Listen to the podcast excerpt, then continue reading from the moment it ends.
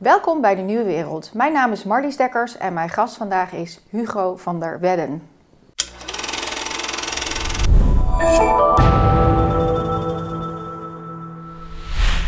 Hoi. Welkom. Dank je. Jij bent medisch socioloog, verpleegkundige en publicist. Ja, klopt. Jij hebt gepubliceerd in Volkskrant. Uh, de Volkskrant, uh, NRC, uh, Trouw, Medisch Contact. Er staat deze week nog een artikel van mij en een aantal collega's in, in Medisch Contact. En ik ben vaste columnist in Nursing Magazine. En dan eigenlijk vooral over de zorg? ja, voornamelijk over, over zorg en voornamelijk over ethisch beladen thema's. euthanasie en dementie, reanimatie. En dan vind ik het altijd fijn om daar soort van niet op een ethische manier naar te kijken. Van goh, is het goed of is het slecht wat er gebeurt, maar meer sociologisch van goh, uh, in welke context gebeurt dit nou en hoe past dit in onze cultuur? Een beetje op zo'n manier. Een beetje waardevrij, zoals we dat noemen in de sociologie. Ja. En jij bent ook op dat onderwerp afgestudeerd, als ja, ik het goed begrijp? Ja. Nou, dat lijkt mij van pas komen waar we, waar we nu in zitten. Uh, ja, zeker. Die ja. ethische dilemma's komen voorbij. Ja, nee, het is een, het is een, een, een, spannende tijd, eigenlijk al, al jaren. Ja, als we dan teruggaan naar Bergamo, dus hoe, wat voor indruk maakte dat bij jou? Um, nou, die, ja, die hele crisis die begon natuurlijk in, uh, in, in China. En dat was al een tijdje op het, uh, op het journaal. En dan, en zag je daar mannen in witte pakken en uh, beelden van mensen die, die omvielen op straat. Maar ja, dat is voor ons toch een soort van ver van, ver van je bedshow. Nou, voor en, mij niet. Ik, ik, produceer daar, dus ik had okay, ja. nauw contact met ze. Maar voor de meesten inderdaad wel. Ja, Weet je, maar als je als, je als gemiddelde journaalkijker, ja. dan kijk je ernaar van... goh, in, in Azië gebeuren, gebeuren allemaal, allemaal gekke dingen met uh, afgesloten steden en uh, noem het dan maar op. En ja, weet je, niet echt, uh, echt heel soort van veel angst dat het over zou waaien naar Europa. En, en dat gebeurde toch. En um, Bergamo was denk ik wel echt een, een, een eye-opener voor, voor mensen in Europa en in, in West-Europa. Weet je, dat, de grote paniek en, en lege voertuigen met lijkkisten die s'nachts door de, door de straten reden. En um, ja, dat, dat bracht zo'n soort van schok teweeg in, in Europa. Dat het eigenlijk een soort van de aanzet was tot, um, ja, tot waar we nu, waar we nu, nu in zitten. Maar het bracht het ook um, het omgaan met sterven in ons ja, naar dat, boven. Van dat um, in één keer was, zeg maar, dat feit dat we dood konden gaan, stond in één keer centraal. Ja, en nou, dat, dat, dat we doodgaan, daar zijn we ons uh, denk ik wel, wel van, uh, van bewust. Maar we, um, eigenlijk voor Bergamo um, leefden we alsof de dood niet bestond. De, de, dood die, die hebben we soort van langzaam maar zeker uh, buiten de samenleving uh, geplaatst. Soort van, van achter de coulissen, zoals uh, de socioloog Norbert Elias dat, Norbert Elias dat, dat noemt. En dat... Ja, dat is een soort van maatschappelijke prestatie. En dat, dat is de, eigenlijk de uitkomst van een, van een sociaal proces. En het is niet een soort van natuurlijk gegeven dat, hè, dat, dat, dat we leven alsof, uh, alsof de dood niet, uh, niet bestaat. En dan achter de coulissen, bedoel je dan de ziekenhuizen? Of? Ja, bijvoorbeeld de ziekenhuizen, maar zelfs ook in de ziekenhuizen. In de ziekenhuizen weer een kamertje apart, weet je. Dat, dat soort van, dat het buiten het zicht wordt, uh, wordt, wordt geplaatst. Maar Um, een, een, een, Britse socioloog, Ellen Kelleher, uh, die heeft er een heel mooi boek over geschreven, uh, A Social History of Dying. En die beschrijft eigenlijk een soort van onze menselijke omgang met, met de dood vanaf de, de, jagers- en verzamelaars samenleving naar een soort van de, de moderne samenleving. Een periode van, van, van 10.000 jaar die die daarin in beslaat. En ja, dat, dat brengt heel veel inzicht. Als je Um, jagers en verzamelaars die, die, die, die, trokken, die, die trokken door het land en, en jaagden in, in kleine groepjes en die verzamelden pulvruchten en zo. En um, zij stierven vaak soort van heel um, plotseling, weet je, door, door, door geweld, door, uh, door andere groepen die hun, die hun aanvielen. En, door weer. Ja, weersomstandigheden. Er kon van alles gebeuren. Het was een soort van hele gevaarlijke tijd voor, voor mensen om, om te leven. En eigenlijk in die fase zie je het eerste poging om een soort van wat grip op die dood te krijgen. En je zag dat daar verhalen omheen ontstonden. Een soort van het idee van een reis naar de andere wereld. He, dat als je overlijdt, dat je ergens anders heen gaat. Uh, zag je eigenlijk op verschillende plekken op de, op de aardbol. Uh, zag je dat een beetje een soort van tegelijkertijd uh, ontstaan. En mensen na de dood naar, naar Nirvana gingen of naar de Elyseese velden. Weet je dat? Ehm, ja, daar ontstonden ehm, verhalen Spiritualiteit, zien, moet ik dat zo zien? Spiritualiteit of, ja, nee, of religies? inderdaad, Uh, spiritualiteit. En ehm, het, je zag ook op, op de manier waarop mensen begraven werden, dat, dat er allerlei werktuigen bij, uh, bij uh, gevonden werden. Want ja, die spullen die hadden mensen nodig om, uh, om die reis naar de, naar de andere wereld te maken. Hè. Er zaten nog wel wat, wat opgaves aan, aan vast in, in, in de verhalen. Dus rites kwamen er. Ja, ja. En daarna zie je eigenlijk een soort van overgang naar, naar landbouwsamenleving. En mensen gingen zich vestigen, gingen graan verbouwen, gingen vee houden. En daarmee veranderde ook de, de manier van, uh, van sterven. En mensen gingen eigenlijk steeds geleidelijker sterven. En dat bracht enorm veel voordelen mee voor de, um, voor de gemeenschap. En mensen gingen dood aan, aan infectieziekten steeds meer in plaats van geweld. Het werd een steeds belangrijke doodsoorzaak in infectieziekten. En, ja, dan werd iemand ziek en dan, dan, dan wist je al dat iemand doodging. Maar dan had je nog bijvoorbeeld tien dagen... Om afscheid iemand... te nemen. Ja, je kon uh, afscheid nemen was een, uh, een, een, belangrijk iets. Hè, dat je conflicten bij kon leggen met, uh, met andere mensen. Je kon je heel goed voorbereiden op, op de reis naar de andere wereld. Dat kon al bij, bij leven. Je kon een aantal zegeningen ondergaan.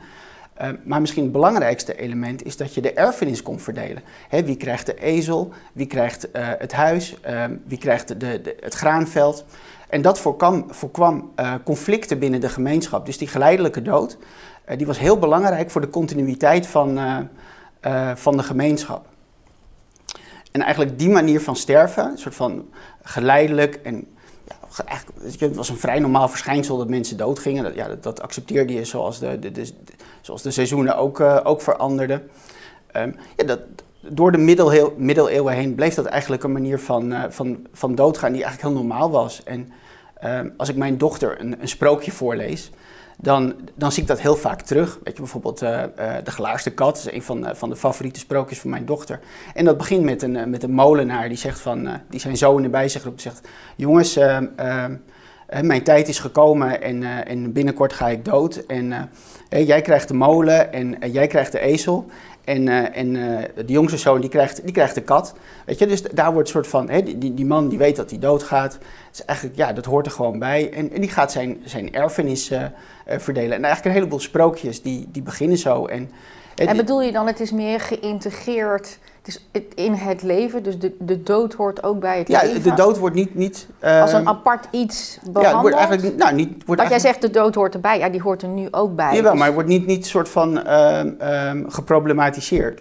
Dat, Op die manier. Hè, dat, um, uh, Philippe Ariès, een, een, een, Franse, een Franse historicus die, die veel onderzoek heeft gedaan naar, uh, naar, naar, de geschiedenis in de omgang met de dood. Die, die, die, die noemt die fase eigenlijk een soort van de getemde dood. Hè? Dat we...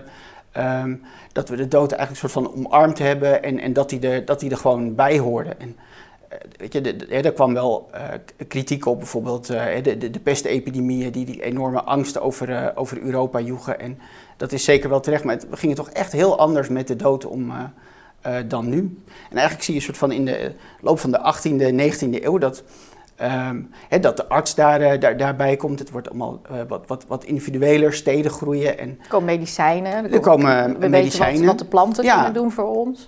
En eigenlijk soort van in, in aanvulling op soort van religieuze rituelen. Eerst werd dat, uh, werd dat christelijk en ja, later komen daar steeds meer soort van medische rituelen bij. En wordt eerst voordat je doodgaat moet er eerst een, een goede strijd gevoerd worden tegen dat, tegen dat overlijden. En zie je de dood eigenlijk, ja, wordt er komt steeds meer emotie omheen, wordt steeds meer geproblematiseerd en ja, verdwijnt meer in de privésfeer, ook in, in grote steden. En eigenlijk langzaam maar zeker achter de, achter de coulissen. En um, in onze moderne samenleving zie je dat mensen um, ja, meestal um, oud worden, ontwikkelen een chronische ziekte, gaan ze naar het ziekenhuis, nou, gaan ze achteruit, gaan ze weer naar huis, nog een keer naar het ziekenhuis, dan naar een verzorgingshuis, nog een keer naar het ziekenhuis of verpleeghuis, in het verpleeghuis naar een kamertje. Dus eigenlijk verdwijnen ze heel lang, is dat serviceproces heel geleidelijk en verdwijnen mensen heel langzaam maar zeker buiten die samenleving. En ja, kunnen wij eigenlijk leven in de publieke ruimte alsof de dood helemaal niet bestaat. Daar worden we eigenlijk helemaal niet meer mee geconfronteerd. Ja, als, als iemand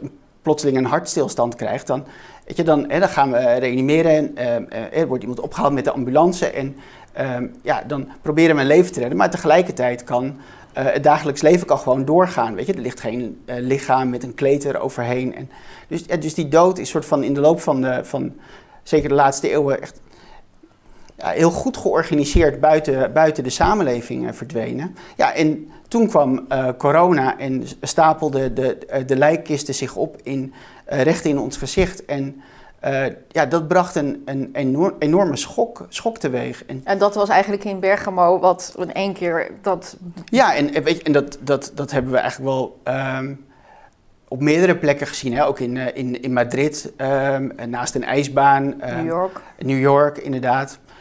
Maar ook in uh, de manier waarop kranten daar, uh, daarover schreven. Dan, dan, de kolommen stond, elke dag stond wel van uh, vandaag zoveel mensen overleden aan corona. En dat dag in dag uit. En terwijl mensen dat helemaal niet meer. die waren echt, eigenlijk helemaal vervreemd van dat soort informatie. En ehm, ja, wat, wat, wat, wat ik wel jammer vond, was dat het ja, meestal vrij contextloos gebracht werd. In Nederland, we kennen 17 miljoen inwoners en elke dag gaan er 400 mensen dood. Maar daar zijn we ons helemaal niet, niet van bewust. Er werd helemaal een soort van in een, in een koker gezoomd op, uh, op ja, corona. Omdat we zijn bezig met ons dagelijkse leven. En juist omdat we dat er zo buiten hebben gezet, zijn we helemaal niet bezig met die 400 doden per dag. Ja. En in één keer werd dat soort centraal Weet je, dat, dat willen we eigenlijk helemaal niet, uh, niet weten. Want wij willen leven dat, dat, dat die dood niet bestaat. En ja, dat werd echt uh, gruwelijk doorbroken. Uh, door corona. En, en ook de, de manier waarop daar uh, in de media verslag van, uh, van werd gedaan. En CNN had zelfs zo'n zo'n zo'n dodenteller in, in beeld. En voordat, voordat Trump aftrad. Het werd echt een soort van heel. Maar ook ja, heel dramatisch. Ja, heel dramatisch, zeker. Ja, en, en, daarin zie je ook een soort van het, het, taboe op de dood. Hè? Dat, het was heel slecht dat al die mensen doodgingen. Dat mocht helemaal niet en dat, dat kon niet en dat hoorde niet. En daar, daar moest echt, echt wat aan, aan gedaan worden. Ja, want het ging niet over.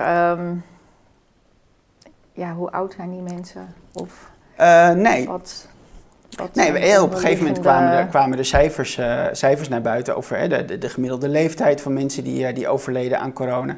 Ja, en dat was, ja, de, meer, ja, de meerderheid was, was diep in, in, in de tachtig. En weet je, die, die eerste maanden van corona was ik ook wel eens iets van, eh, van, eh, van jeetje, wat, wat gebeurt hier? En ook wel bevangen door, door, door, door, door de angst van wat er voor onbekends op ons afkwam. En ehm, ik heb ook in, in, die eerste maanden van corona, ik had mijn best gedaan in, in de zorgsector om ehm, ja, die, die, die pandemie in, in goede banen te leiden. Maar naarmate de, de cijfers naar boven kwamen, we meer te weten kwamen over de ernst van corona, um, wie uh, de, de grootste risicogroepen waren. Ja, toen. Um, ja, dat, dat, dat relativeerde uh, bij mij wel, maar ja, dat relativerende effect had het niet in de samenleving. Ja, want Nederland telt tien keer meer 65-plussers dan 100 jaar geleden. ja, ja, dat klopt. Um, we hebben de, de afgelopen 100 jaar een, een enorme demografische uh, transitie uh, doorgemaakt in, in, uh, zo, rond de eeuwwisseling van, uh, van 19e naar 20e eeuw, het Van de ja, was het eigenlijk een behoorlijke prestatie om, om de leeftijd van, van 65 te, te behalen. Ik denk dat nou, misschien iets van 5% van de bevolking dat, dat haalde. En inmiddels zijn we ruim een eeuw verder en zijn we gegroeid van, van ja, ruim 300.000 ouderen in Nederland naar ruim 3 miljoen. Waar ook nog eens een kwart ouder is dan, dan 80. En er staat ook nog tegenover dat mensen steeds minder kinderen krijgen. Dus je hebt eigenlijk steeds minder jongeren en, en steeds meer ouderen. En ja, dat maakt een samenleving ehm, kwetsbaar voor, uh, ja, voor virusuitbraken zoals griep en, en in dit geval uh, uh, corona of COVID-19. Zeker. Maar ik denk dat mensen hè, zoveel ouder worden, um, dat zien we denk ik ook wel als een viering op de zorg. Oh, dat, dat is het een, eh, overwinnen van ja. de dood. Ja. Uh, dat zijn allemaal ja, grote verworvenheden. Ja. Die, ja, is, uh, deels is dat geneeskunde, maar toch, ook om, uh, om het aanleggen van, van riolering, ja. schoon drinkwater, betere voedingstoestand. Weet je, dat, dat zijn echt, denk ik, wel de, de, de belangrijkste elementen geweest om die levensverwachting om, omhoog te krikken. We hebben natuurlijk ook de opkomst van, van antibiotica gezien na de Tweede Wereldoorlog. En ja, dat, Um, ja, dat, heeft wel, dat heeft ook een enorm uh, verschil gemaakt, zeker. Maar uh, in de jaren 70 hebben we dat nog een beetje benoemd. Dus misschien kan je daar nog iets over... Te, want die vergrijzing, hè, waar je het dus over hebt... Hè, die tien keer meer 65 plus dan 100 jaar geleden... We hebben het wel in zijn abstractie over vergrijzing. Maar dat dat nu concreet ook onder andere dit effect kan hebben. Lopen, Ehm. lopen we, iets, lopen we om iets heen? Ehm, nou, weet je, je ziet wel dat er is op dit moment een, eh, een, zorginfarct. Hè, dat, dat, eh, de zorg kan het niet meer aan. En dan, dan, we hebben het veel over de IC, daar, daar, staan de, de, de, de, schijnwerpers op gericht. Maar het is de hele zorgketen die, die aan alle kanten eh, vastloopt. Ook op gewone afdelingen, ook in de wijkzorg, ook in, eh, in de verpleeghuizen, op de spoedeisende hulp, de huisartsenzorg. Het loopt gewoon aan, aan alle kanten vast. En Ehm, we hebben de neiging om te zeggen van nou dat komt door corona, weet je, dat, dat eh, voor corona ging het prima en nu is er corona, als corona voorbij is dan gaat het ook weer prima. Eigenlijk een beetje, ehm, beetje een soort van naïef beeld zoals mensen tegen een ziekenhuis aankijken. Hè? Van, van je, bent, je bent ziek, dan ga je naar het ziekenhuis en dan kom je dan beter weer uit. Maar zo gaat dat meestal niet. Meestal is iemand ehm, al oud en heeft een, een, een chronische ziekte of meerdere chronische ziekten. Nou, die gaat dat ziekenhuis in en die komt daar veel minder gezond uit. En ehm, eh, overlijdt een paar maanden later of gaat weer een keer in het ziekenhuis, gaat dan naar het verpleeghuis. Dus dat, dat, dat hele idee van, van ziek, ehm, eh, ziekenhuis, eh, gezond, ah, dat, dat klopt niet. En dat zo... Maar is dan eigenlijk zo die, die hele... eh, ja, die hele rite, zeg maar, van naar de huisarts gaan, naar het ziekenhuis gaan, weer terug, weer verzorgingshuizen. Is dat de- het nieuwe ritueel? Of Eh, is nou, dat nou, het al- gaat meer om de, om de, soort van de, de metafoor voor de, voor de staat van de gezondheidszorg. De, de gezondheidszorg was al ziek. En er komt nu een soort van een exacerbatie eh, overheen. En ja, daar gaan we nog, eh, nog veel zieker, zieker uitkomen als, als zorgsector. Dus Marcel Levy die pleit al een tijdje van, van jongens, we moeten echt eh, investeren in die, in die zorgsector. Anders dan eh, loopt het aan alle kanten vast. En eh, ja, ik denk dat hij gelijk heeft. Maar ik denk ook dat het ehm, dat het rijkelijk laat is. Ehm, 15 jaar geleden liep de zorgsector al vast als in de zomer een aantal verpleegkundigen op vakantie ging. Weet je? En dan, dan was het in de zomer was het van, oh, goh, hoe krijgen we die bezetting in, in godsnaam rond? En dan kreeg je meldpunten van, van vakbonden en zo. Ja, daar is... En in eh, de winter liep het altijd vast door de griep. ja, we hebben bijvoorbeeld in 2018 eh, nog een, eh, een, een flinke griepepidemie gehad. En ja, eigenlijk is, is dat altijd zo. In de winter dan, hè, dan worden er ook operaties uitgesteld. Ehm, eh, is het vechten voor een plekje op de IC. En ja, er moet echt ehm, steeds harder gewerkt worden door, eh, door artsen en verpleegkundigen om de boel draaiende te houden. En ik denk dat zij een hoop ellende ook eh, gemaskeerd hebben door nog harder te rennen, door maar diensten over te blijven nemen van, eh, van collega's. En ja, zij, met, met heel hard werk hebben zij ons soort van door die, door die eerste twee golven van, van corona heen, heen geleid. Maar ehm, ja, nu gaat het eigenlijk niet meer. En ja, we zien ook dat er hè, vanuit, eh, vanuit de overheid ja, eigenlijk niet geïnvesteerd is eh, de afgelopen jaren om, ja, om die bezetting op orde te, te houden. Of om mensen bijvoorbeeld eh, te bevrijden van, van bureaucratie en, en, en dat, soort, dat soort dingen. Ja, er zijn 27.000 zorgverleners uitgestroomd. Ja, dat, dat is een getal wat, wat veel genoemd nu wordt. genoemd Ik heb ze wordt. zelf niet geteld, Nee. maar dat, ja. Maar jij zegt in de toekomst kan dat nog wel erger worden als we, dus, als we zorgverlening, hè, jij bent zelf ook verpleegkundige, ja. Ja, de artsen die hebben ook veel meer status, verdienen ook veel beter. Eh, maar juist de zorg, dat heeft niet zo'n hoog Ja, status, verdienen ja, weinig, hebben dat wisselende diensten. hebben- we hebben wel een, eh, een cultureel probleem. Enerzijds hebben we als eh, vergrijsde samenleving een enorme zorgbehoefte. En dan niet aan heroïsche medische zorg, maar gewoon aan iemand die ehm, die, je begeleidt in je, in, je, in je chronisch ziek zijn. En je helpt met, eh, met douchen en aankleden. eh, goed met je meedenkt over hoe je, ehm, hoe je het zelf beter zou, eh, zou kunnen doen in het, in het dagelijks leven. Hoe je meer kwaliteit van leven ervaart. Maar aan de andere kant zijn de mensen die dat doen, ja, daar kijken we als samenleving toch, toch een beetje op neer. Weet je? Verzorgende verpleegkundigen, we zien het als, als handjes aan het bed, als, als, als lieve eh, meisjes die, eh, eh, die graag doen wat de, wat de dokter hun vertelt. En ja, dat. ehm, dat Een soort roeping. Dat je ja, weet je, het zijn mensen met een roeping, dus je hoeft ze ook niet, eh, niet veel te betalen, weet je. Want het, eh, ze- Maria heeft toch aan hun, aan hun bed gestaan. En om ja. ze te roepen. ja, en ehm, dat, is, dat is een soort van, van botsing die we, ehm, ja, waar we compleet op vastlopen. Want de vergrijzing die we vandaag de dag zien, we zijn nog lang niet op het hoogtepunt. Over, over tien jaar hebben we uh, nou, 50, 60 procent meer 70-plussers. En dat, dat is de groep die, um, ja, die de ziekenhuizen uh, bevolkt. Dus weet je, nu loopt het spaak uh, door een epidemie, maar het was, ja, dat is, het was hoe dan ook spaak gelopen. Maar jij bent ook verpleegkundige, dus ja. hoe, hoe, wordt, hoe wordt daar van binnenuit? Is daar, is daar woede? Is daar onmacht? Is er van nou zoek het maar uit? Wat, wat is de sfeer? Um, nou, misschien dat verpleegkundigen op, uh, de, de, afgelopen twee jaar misschien veel te hard gewerkt hebben om daar goed op, uh, uh, op te reflecteren. Maar de, de boosheid die is er, die is er zeker. En, en ja, die is er met name richting ehm, management, bestuurders.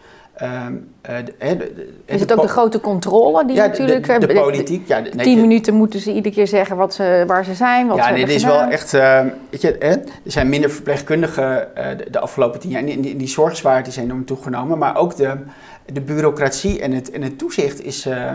Um, is enorm toegenomen. Weet je, vroeger hadden we een papieren dossier en dat, dat, dat gold een beetje als, als leidraad in, uh, weet je, de, de, je las een dossier voordat je naar een, een, patiënt toe ging. Ja, nu hebben we een elektronisch dossier en ja, dat is heel handig, want je hoeft het niet uh, overal mee naartoe te nemen. Je kan het gewoon openen, maar dat dossier houdt ook toezicht op je. En dat, op de verpleegkundige? Ja, dat, dat geeft je, er staat een, een, waslijst aan activiteiten die je bij de patiënt moet, uh, moet uitvoeren. En of je daar nou achter staat of niet, dat, dat heb je te doen. Want als je, de, als, je de, als je het niet goed invult, dan gaat, gaat het door naar je leidinggevende. En als je leidinggevende daar niet kritisch op is, en dan gaat het door naar haar leidinggevende. Dus het is een enorm soort van toezichtmodel, ook vanuit die digitalisering in, in de zorg. En daar hebben artsen en, en verpleegkundigen echt mee te kampen. Zo, het, het, is zo uh, geprotocoliseerd uh, hoe je moet werken. Je hebt eigenlijk nauwelijks ruimte voor een, voor, een eigen, voor een eigen invulling. Weet je, soms denk ik van nou, ze zouden het liefst een robot inzetten. Maar zolang ze nog geen robots hebben, dan zetten, dan ze, maar dat. dan zetten ze Hugo daar maar neer, zolang hij maar doet wat wij van hem verwachten. Hè. De, je hebt een soort van de, de vrijheid om op basis en van... En dan jij, jij Hugo, niet Hugo de Jonge. Nee, nee, niet, uh, niet, ja, nee, dat is, dat, nee niet, niet Hugo de Jonge. Nee, jij. Nee, maar gewoon dat je als verpleegkundige of, of als arts soort van vrijheid hebt om een eigen afweging te maken in, in een individuele situatie. En ja, weet je, iedere zorgsituatie is een soort van uh, individueel en, en uniek. Ja, die, uh, die vrijheid die, die is er niet meer. En dat maakt het werkplezier echt... Um, aanzienlijk minder. Ja, omdat er gewoon veel minder beroep wordt gedaan op je professionaliteit. En ja, eigenlijk gewoon gewantrouwd wordt van... Ja. ja we verwachten niet dat jij een goede inschatting maakt. Laat dat maar aan uh, anderen over. Nou ja, ik heb zelf ook een eigen bedrijf. Als ik zo mensen zou aansturen, dat, dat zou gewoon niet gaan werken. Dat, dat, dat zou zo de, de, de vreugde uit het werk halen. En, en, en de sfeer zou totaal vertrokken zijn. Ja. Maar is dat ook vanuit zoals we begonnen zijn, de angst voor de dood en zo bang dat, dat, dat een verpleegkundige fout zou kunnen maken. Dus dat moeten we maximaal controleren. Of waar, waar komt dit vandaan? Ja, ik denk uh, efficiency uh, denken. Ook puur je? vanuit geld? Ja, uh, vanuit geld. Ook wel, weet je, kwaliteit van zorg speelt daar, speelt daar ook wel een rol in. Hoor. Van, bijvoorbeeld decubitus was, een, was vroeger een veel voorkomend probleem in het ziekenhuis. Hè, dat je terugkwam met doorlig, doorligwonden. Um, ja, dat er allerlei soort van eh, pijn, weet je, dat, dat, houden we ook allemaal, allemaal heel goed bij. Dus kwaliteit van zorg speelt daar ook wel een uh, rol in, maar toch ook wel, uh, wel, wel. En dan met name in, in, in, de, in de wijkverpleging met vijf minuten registraties, ja, dan, dan wordt daar zo'n toezicht op gehouden van wat je allemaal doet en um, hoe je dat um, teruggeeft aan, aan, aan de verzekeraar van wat er dan vergoed moet worden. Ja, dus enorme, enorme controle en ja, dat, dat is grotendeels wantrouwen. Ja, laten we het ook nog even hebben over generatieconflict. Dus, dus nogmaals, Nederland telt tien, tien keer meer ja. 65 plus. Was was je daar niet van bewust? Nee, totaal niet. Dus ik heb, ik heb nadat ik met jou gebeld, geloof ik, tegen iedereen niet wilde horen verteld. Want ik staat gewoon op de Ik weet het, er is wel een soort vergrijzing zit wel, maar dat, dat, dat, dit is zo'n verbeeldend cijfer.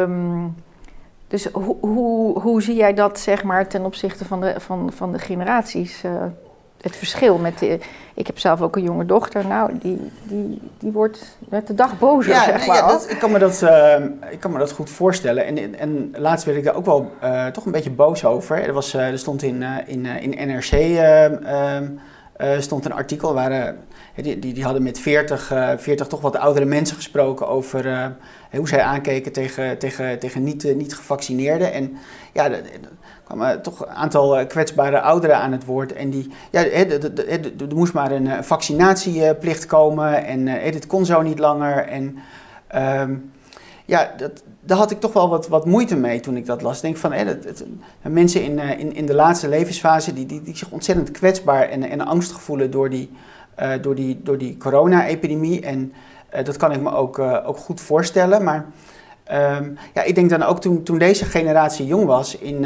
in, in de jaren 70, echt de babyboom-generatie, ja, die, zet een enorme jeugdcultuur neer, weet je. En, en Um, uh, vrijheid, seksuele vrijheid, uh, flower power, noem het allemaal maar op. En zij waren niet zo enthousiast over, over ouderen op, in, in die, in, tijdens, hun, tijdens hun jeugd. Maar maakten ze zichzelf zorgen toch ook? Ja, ja zeker. Veel te veel ouderen komen er. Ja, en in de jaren 70 ging het veel over, over overbevolking. Dat was echt een enorm probleem. En de, de, de, toenmalige koningin, die ook, ook in de troonrede zei van... Hey, dit, dit land is vol ten dele overvol. Dat overbevolking was een belangrijk probleem. Ehm, en daaraan werd toch een soort van vergrijzing ook gekoppeld. Dat, dat, dat Nederland toch ook wel een, een, een bejaardenprobleem had waar we, um, waar we toch wel wat, uh, wat, wat aan moesten doen. Want hoe konden, we, hoe konden we het betaalbaar houden, de zorg voor, voor bejaarden, als we überhaupt al, al de mensen konden vinden. Dus, dus de generatie die, die nu oud is, ja, die, die, die waren daar levendig over aan het debatteren in, uh, in de jaren 70. En die vermengde dat ook wel met, met, met de euthanasiediscussie. En uh, dat, ja, de euthanasie moest dan wel uh, een soort van vrijwillig gebeuren, maar dat, hè, als, als de samenleving het toch allemaal zwaar kreeg, er toch ook wel een aantal mensen die vonden dan van, ja, van misschien moet dat dan ook toch wat minder vrijwillig gebeuren. Ondenkbaar. En, ondenkbaar nu, weet je, en het is ook echt een, een vergeten hoofdstuk in, in de geschiedenis. We hebben het daar, daar nooit meer over. De, de historicus James Kennedy, die heeft daar uh, die, die, heeft daar leuk over, uh, over geschreven. Wat heeft hij daarover geschreven? Uh, nou, die heeft een, een, boek geschreven over de geschiedenis van, van het euthanasiedebat in, in Nederland. En die wijdt daar wel aandacht aan, aan die, aan die fase van het debat in, in de jaren 70 en hoe dat samenhing met uh, vergrijzing en het hele idee van, uh, van overbevolking. Ja, en de angst voor, voor angst voor vergrijzing. Ja, ja, ja. En diegenen die daar toen bang voor waren, zeg jij, die zijn nu degene. Nou, niet, nee, niet individueel, weet je. Ja, dat, nee, maar is, als generatie. maar als, als generatie denk ik van ja, daar zou je best wat op, uh, op kunnen reflecteren. Want weet je, als je kijkt hoe de jeugd er nu voor staat, ja, dan is dat, dan is dat gewoon heel, heel zorgelijk. De, twee jaar van hun leven hebben ze eigenlijk heel weinig kunnen doen. Weet je, als je, als je begon in de universiteit kon je daar niet een leuk netwerk opbouwen. De, de kroegen zijn dicht, er zijn, geen, uh, er zijn geen feesten. Je moet je in alles aanpassen aan de, uh, aan, aan de oudere generatie en aan hun, uh, aan hun angst. weet je, ze komen van, van school met een enorme studieschuld.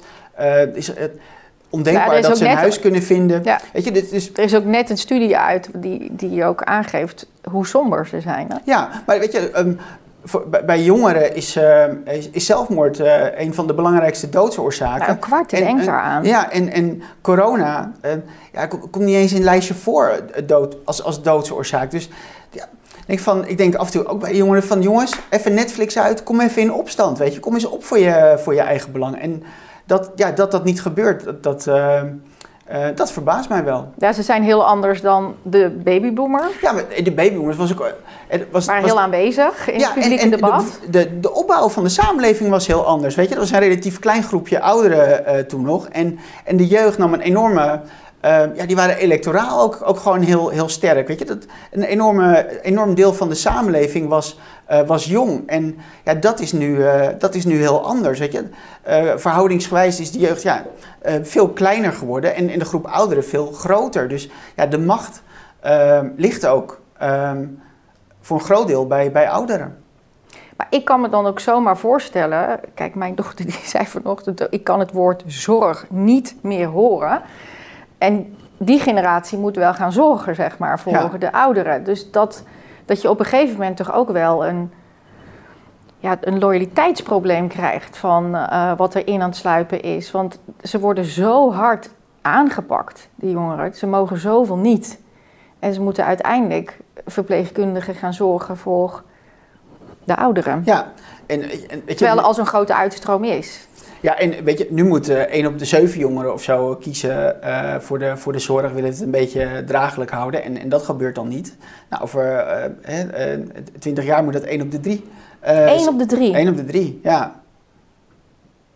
Ja, it's not gonna happen. Maar um, we, gaan, we hebben het er niet over. En het is allemaal een soort van, van taboe dat het allemaal um, vastloopt. Ook door, door demografische ontwikkelingen. En um, ja, dat, dat, dat is zonde. Omdat het, ja, ik denk dat, dat we daar gewoon met z'n allen over moeten praten. En ik denk dat, dat jongeren voor hun eigen belang op moeten komen. Maar ik denk dat, uh, dat, dat ouderen ook reflexief moeten zijn. Van hoe staan de jongeren er eigenlijk voor? En uh, hoe verhoudt ons belang zich tot het belang van, van, van jongeren? Maar die discussie wordt niet gevoerd. Nee. Nou, Corine Elemeet eh, van, eh, van GroenLinks, die heeft in 2018, die, die zag dat ook. Dat, dat, van GroenLinks? Van GroenLinks, ja. Dat, dat ouderen ehm, ja, de, de, de, grootste zorgvragers van, uh, van ziekenhuizen zijn. En, en, die kwam met een voorstel van, hè, misschien moeten we hè, bij oudere mensen toch een keertje screenen op, hè, bij zware ingrepen, of dat nou allemaal nog wel zo verstandig is. Nou, ja, Hoon was haar deel, weet je, dat ze, dat ze daarmee mee kwam. Dus ja, zij, zij hield haar mond en in iedereen met soortgelijke gedachten van we moeten daar eens over praten, ja, die, die heeft daar denk ik ook wel, uh, wel van geleerd. Dus het is een enorm taboe. Ja, maar daar gaan we nog gigantisch op vastlopen. Daar lopen we op vast. Ja, maar naar de toekomst nog erger. Ik bedoel, het is nu al een drama, dus hoe gaan we, hoe gaan we, hoe gaan we hiermee om? Um, meer IC-bedden of, of meer die IC is blijkbaar ook de hemelspoort. Dus ja, weet je, die IC-bedden, ik denk dat, dat um, Um, dat, dat we in Nederland wat dat betreft wel uh, verder zijn dan, dan de zuidelijke landen in Europa, dan, dan Engeland. Weet je, als, je, als je de IC wil overleven, dan moet je toch in een behoorlijk goede, goede conditie zijn. Moet je al heel fit zijn. Je moet fit zijn, want je, je, je, je, eh, je loopt daar enorm spierverlies op. Um, um, Hey, je moet weer, soort van na, na twee weken, je, je moet alles weer, uh, weer leren. En um, als je al, al kwetsbaar bent um, en dan nog een, een IC periode wil overleven en daarna weer wil herstellen. Ja, dat, dat, dat gaat eigenlijk niet. En ik denk dat we in Nederland, hè, we zijn toch uh, uh, minder verbloemend uh, in ons taalgebruik dan, dan bijvoorbeeld Belgen en, en Fransen, Italianen en, en Duitsers. Wat Duits weer een andere volgeschiedenis hebben wat dat betreft. Dus dat ligt ook wel weer een beetje anders. Maar wat, wat dat betreft gaan we het gesprek wel... Wel aan. Wel, ja, wel, qua IC-plekken wel, ja. Van misschien moet u dit niet, moeten we dit niet doen, want dat is behoorlijk kansloos. Ja, en, en dat, was al, uh, dat, dat, ja, dat was eigenlijk al, uh, al voor corona. Dat, dat we daar toch wel, uh, ja, dat er wel kritisch naar gekeken wordt van, is het reëel om ehm, deze persoon op die zee op te nemen? En nee, dan moeten we dat echt niet doen en dan gaan we daarover praten en ehm, wel, ja, dan, dan doen we dat wel, ja. Waarom heeft Duitsland zoveel IC-bedden? Ja, um, nou dat, Duitsland heeft er weer een hele andere voorgeschiedenis in. Eigenlijk wat, wat wij nu meemaken, uh, met, met dat vastlopen van de zorg, dat, daar heeft Duitsland ook weer een hele eigen uh, geschiedenis in. Weet je, als we weer teruggaan naar de, de, de overgang van, van 19e naar, naar 20e eeuw, hè, dan Duitsland liep op Nederland voor uh, qua industriële revolutie, dus qua economische groei en verstedelijking. Um, maar zij hadden ook al veel sneller een soort van institutionalisering van um, van kwetsbare groepen, van, uh, van psychiatrische patiënten en uh, ook bejaarden met cognitieve uh, problemen, verstandelijk gehandicapten. Ehm, ze hadden daar veel meer een cultuur al in om die soort van in instellingen te plaatsen. En ja, Duitsland, in 1914 raakte zij in, in oorlog de Eerste Wereldoorlog. En daar ging heel veel, een enorme geldstroom naartoe. Ja, dat was eigenlijk geen geld meer om die mensen in die instellingen die, die daar woonden, om die, uh, om die in leven te houden, om die, om die, ja, om die te onderhouden. Dus, uh, en, en er hing al soort van in de, in de psychiatrie en ook in de samen soort van eh, dat eugenetische gedachtegoed. Uh, dat, dat was al rond de eeuwwisseling al, al sterk aanwezig, met name in, in de Duitse psychiatrie. Dus ja, en, en dat gedachtegoed in samenhang met, met de financiële omstandigheden maakte dat uh, ja, dat, dat, dat er in die instellingen ja, een grote sterfte uh, plaatsvond. Omdat mensen gewoon uh, verhongerden. En, verwaarloosd. Ja, verwaarloosd werden. En later ehm, werd dat allemaal wat actiever. Hè? Dan, hè, dat kwam een soort van de euthanasiebeweging en over levens und werkliches Leben, zoals daar, daar tegenaan uh, gekeken wordt. En ja, kregen mensen een uh, kwetsbare ouderen, maar ook verstandelijk gehandicapten, ja, die kregen een, een, een spuitje.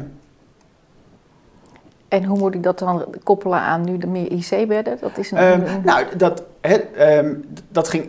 Duitsland schaamt zich, schaamt zich enorm voor die, voor die voor periode. Die periode. Dat, dat na de oorlog uh, werd daar... Dat nooit meer, op die manier? Ja, dat nooit meer. Ja, echt dat nooit meer. Dat, dat, uh, dat, dat zit heel diep in, uh, in, in, in, in de Duitse volksziel verankerd. En dat vertaalt zich in ja, toch hele goede zorg voor Um, voor kwetsbare mensen. En ook een, een, nog groter taboe op de dood dan, uh, dan, we, dan we in Nederland uh, hebben. Ja, er wordt echt, uh, echt alles uit, uit de kast gehaald. En je kan mensen echt niet, niet zomaar dood laten gaan. Want al het leven is, is waardevol. En dat, um, ik, ik zie dat wel als een, als een reactie. Een soort van culturele reactie op die periode. Um, eigenlijk van, vanaf 1900 tot nou, 1950. Okay. En Nederland heeft er weer een andere geschiedenis in. Want toen, uh, toen Duitsland uh, Nederland binnenviel in, uh, eh, 1945, of in 1940, um, wilden, eigenlijk, wilden ze eigenlijk dat, dat Nederlandse artsen daar ook in, in meegingen. En Nederlandse verpleegkundigen. En ja, daar zaten wij, de Nederlandse artsen, die, die, die, die hadden daar helemaal geen, geen, geen trek in. En die waren heel erg anti met, met die manier van handelen van, van de Duitse die, die, die, gangbaar was in in de Duitse psychiatrie. En die, die verzetten zich daar heel erg tegen. En hè, daar is ook medisch contact uit ontstaan bijvoorbeeld. Hè. We kennen de, de, de verzetskranten als uh, uh, Trouw en zo, die Parool ook. Hè, die, die eigenlijk voortkomen uit verzet. Maar het medisch tijdschrift, medisch contact, komt, komt voort uit, uit verzet tegen overheersing van... van ja, van Duitse waarden in, in de Nederlandse geneeskunde op, op dat moment. Dus eigenlijk omdat wij ons in die oorlog um, eigenlijk vrij voorbeeldig hebben gedragen, was er ook ruimte om in de jaren 70. Voorbeeldig op wat voor manier? Als in dat wij, dat wij uh, alles hebben gedaan om, uh, uh, om verstandelijk gehandicapten te beschermen. Oh, we hebben, zijn, zijn blijven zorgen voor de kwetsbaren. Zeker. Dat is ja, het idee ja, dat we hebben. Oké. Ja. Nee, dat, dat, um, die, die mentaliteit die deelden wij niet. Zeker niet.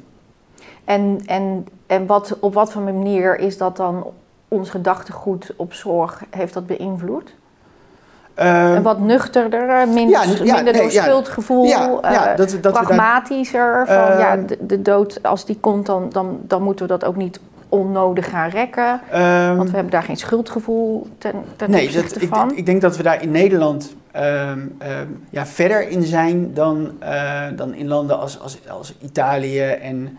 Uh, bijvoorbeeld als het gaat bijvoorbeeld over uh, de diagnose kanker, weet je, dat in Nederland, daar, daar, daar, hebben we het daarover. En als, als arts vertel je dat aan je, uh, aan je patiënt. En ja, dus in, in, in Zuid-Europa is dat nog veel minder gebruikelijk om, uh, dan, dan wil het echt allemaal verbloemd van... Zeg je het K-woord of zo? Ja, je hebt of, of, of, niet. Hè, van, we vertellen niet dat je, dat je komt te overlijden, maar we behandelen je door tot je, tot je, ja, tot je doodgaat, bij van.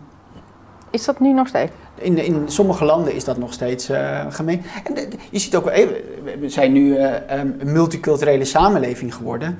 En um, ja, je ziet ook wel mensen uit, uit andere culturen dat, dat die ook graag willen dat. Hè, vertel niet tegen mijn moeder dat, dat ze kanker heeft, maar behandel haar door. En dat, ja, daar lopen we in, in de Nederlandse zorg ook wel tegenaan. Van hoe gaan we om met die, met die culturele clash?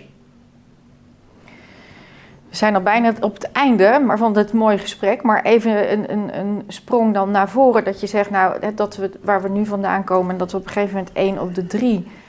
Eh, techniek wordt dan denk ik een heel belangrijk uh, onderdeel... wat ons moet gaan ondersteunen. Wat je ook al zegt, ja, ze hebben liever in plaats van jou al een computer uh, daar aan bed. Dus gaat AI een hele grote rol spelen. maar jij zegt ook, er zijn ook grote keerzijdes van een elektronisch dossier. En uh, ja, nou, hoe zie je daar een beetje de, de, rol in, zeg maar, van automatiseren, techniek? Nou, ik denk, we hebben in Nederland toch best wel een, een cultuur van uh, reageren op crisis en niet anticiperen op, uh, op, op crisis. Als je als je kijkt op, uh, op, op, op spoedeisende hulp, als daar mensen met, uh, met, met hartfalen of met CPD, chronisch zieke ouderen die, die soort van ernstig ziek op de spoedeisende hulp terechtkomen, of kwetsbare ouderen, ja, die hebben vaak al um, een week, zo niet langer, soort van klachten. En juist als je dan eerder ingrijpt, um, ja, kun je een soort van een, een reis naar het ziekenhuis voorkomen en een, en een opname voorkomen. Dus daar liggen echt heel veel mogelijkheden nog in de zorg dat, dat we proactiever uh, met, die zorg, uh, met die zorg bezig gaan. En maar is het dan allemaal een soort iWatch-achtig uh, om en dat je ziet, oh de hartslag die gaat omhoog, de bloeddruk die komt onder druk? Ja, nee, maar bijvoorbeeld een, een patiënt met, met, met hartfalen. Nou, die, um, wat gebruikelijk is dat hij regelmatig naar de poli komt voor een bloeddrukcontrole en, en allerlei andere controles en gesprekken van, goh, gaat het goed? En uh, die mag dan weer naar huis. Nou, zo'n zo'n poliebezoek is al een enorme inspanning voor een, uh, voor een patiënt. Maar een heleboel patiënten zijn prima in staat om thuis zelf hun bloeddruk te meten of hun saturatie um, en een vragenlijst te beantwoorden over hoe ze zich voelen. Um, en ja, dat, dat kunnen ze gewoon prima insturen met een, met, met een app. En daar zit gewoon een algoritme op. En uh, ja, als het, als het dan minder goed gaat, krijgt, uh, krijgt het ziekenhuis een seintje en, en, kun je contact opnemen. En op die manier uh, hoeft het ziekenhuis niet meer soort van iedereen in de gaten te houden. Dan krijg je een soort van radarsysteem dat, je, dat het algoritme iedereen in de gaten houdt. En jij hoeft alleen aandacht te besteden aan die ene patiënt die dat nu nodig heeft. Dus dan kun je veel, het vervelend woord, efficiënter omgaan met de capaciteit die je uh, die je hebt. En je zet ook je, je, je, patiënten aan het werk. Weet je, in de Albert Heijn scan ik ook uh, mijn eigen boodschappen. En hè, dat is ook allemaal heel normaal geworden. En Albert Heijn doet dat ook, omdat zij ook de kamp hebben met krapte op de, op de arbeidsmarkt. Ja, dus ziekenhuizen kunnen. Ja, ik zou dat zeg maar voor corona, voor waar we nu in zitten. Ik, ik zou heel erg die vooruitgang omarmen. Maar ik heb nu, zie je toch ook, ook met die QR-code het kan ook mega omslaan, weet je wel. Dus het, het heeft ook een hele controlerende functie, wat jij ook al aangaf bij het elektronisch dossier. Het, het, het helpt, maar het houdt ook weer de zorgverlener in de gaten. Dus het is ook, je ziet bijvoorbeeld ook, Amazon doet het, hè, Jeff Bezos bij zijn medewerkers. Nou, de AI zei, zei op een gegeven moment bij corona, ivermectin. Nou, dat is precies natuurlijk wat door iedereen wordt tegengehouden. Dus is de AI nou slimmer of niet? Dat, eh, dat laat ik in het midden. Uh, maar ik bedoel, die, die doen dat allemaal al. Maar dan gaan techbedrijven natuurlijk heel veel informatie krijgen of diegene die dat, of het nou de overheid is of ziekenhuizen ja, zijn, dat is, uh, dat die gaan alles weten over, over ja, wie, wie je bent, maar dan werkelijk met alles. Ja, medische apps, weet je, die, die, die moeten aan allerlei regels en voorwaarden voldoen. Ja, dat zien we ook met de QR. Ja, nee, maar goed, dat is, dat, dat, ja, ik, vind, ik vind het ook ik vind het niet handig van, van de overheid. Het is, uh, uh, als je vertrouwen in, in technologie wil hebben, ja, dan, ja, dan moet je het niet, niet zo inzetten op, op toezicht en macht en, en controle. Weet je. Dat, dat, dat ik zou het niet eens hebben bedacht weet je, dat, dat dit zou kunnen. Weet je, dus ik zou inderdaad ook helemaal omarmen van ja, zet die techniek in hè, voor de toekomst. Maar, maar nu zie je dat dat zo ook verkeerd ingezet kan worden. Ja, nee, maar weet je, het belangrijkste, technologie is een hulpmiddel denk ik in, uh, in de zorg. En mits je daar op een verantwoorde manier uh, mee omgaat, kan het heel veel meerwaarde. Maar gewoon het anticiperen op, op problemen en niet zo uh, reageren op een crisis. Um, dat kan op een heleboel facetten kan in, de, in, in de zorg voor mensen met dementie. He, Anne die is daar met, uh, met een sociale benadering dementie, is er daar heel ver mee dat, ze, uh, dat er niet een case manager komt op het moment dat het helemaal fout loopt in gezinssituaties. Maar dat is gewoon van nog, nog ver voor de diagnose, dat je daar al gewoon wat begeleiding in, in geeft. En dat het gaat om kwaliteit van leven en niet om diagnoses en, en behandeling. En, maar in hoeverre is zij daar ver in? Op het gebied van technologie ontwikkelen? Nee, nee eigenlijk zonder, zonder technologie. Maar gewoon door, uh, door niet de crisis af te wachten, maar door mensen gewoon vroegtijdig uh, te, te, begeleiden eh, en gezinnen te begeleiden, dus niet individuen. Ja, maar daar komen dus steeds mensen tekort en in de toekomst nog veel meer. Ja, nee, dat, dat is zeker waar. Maar dan, uh, dan, ja, daar zou je dan op een andere manier mee, mee om moeten gaan als, als samenleving. Bijvoorbeeld door um, jongeren al, in een veel vroeger stadium van hun leven met ouderen in, uh, in aanraking uh, te brengen. En zoals het nu gaat, weet je, dat, dat, dat oudere jongeren de les le lezen over um, vaccinatieplicht en hou je aan de maatregelen. Ja, dat, dat gaat de sfeer tussen generaties niet ten goede komen. En ja, ik ben bang dat het ook gaat raken aan, aan de instroom voor de zorg. Daar maak ik me wel zorgen over. Ja. Ontzettend bedankt voor het gesprek. Heel Dankjewel. mooi en zinvol.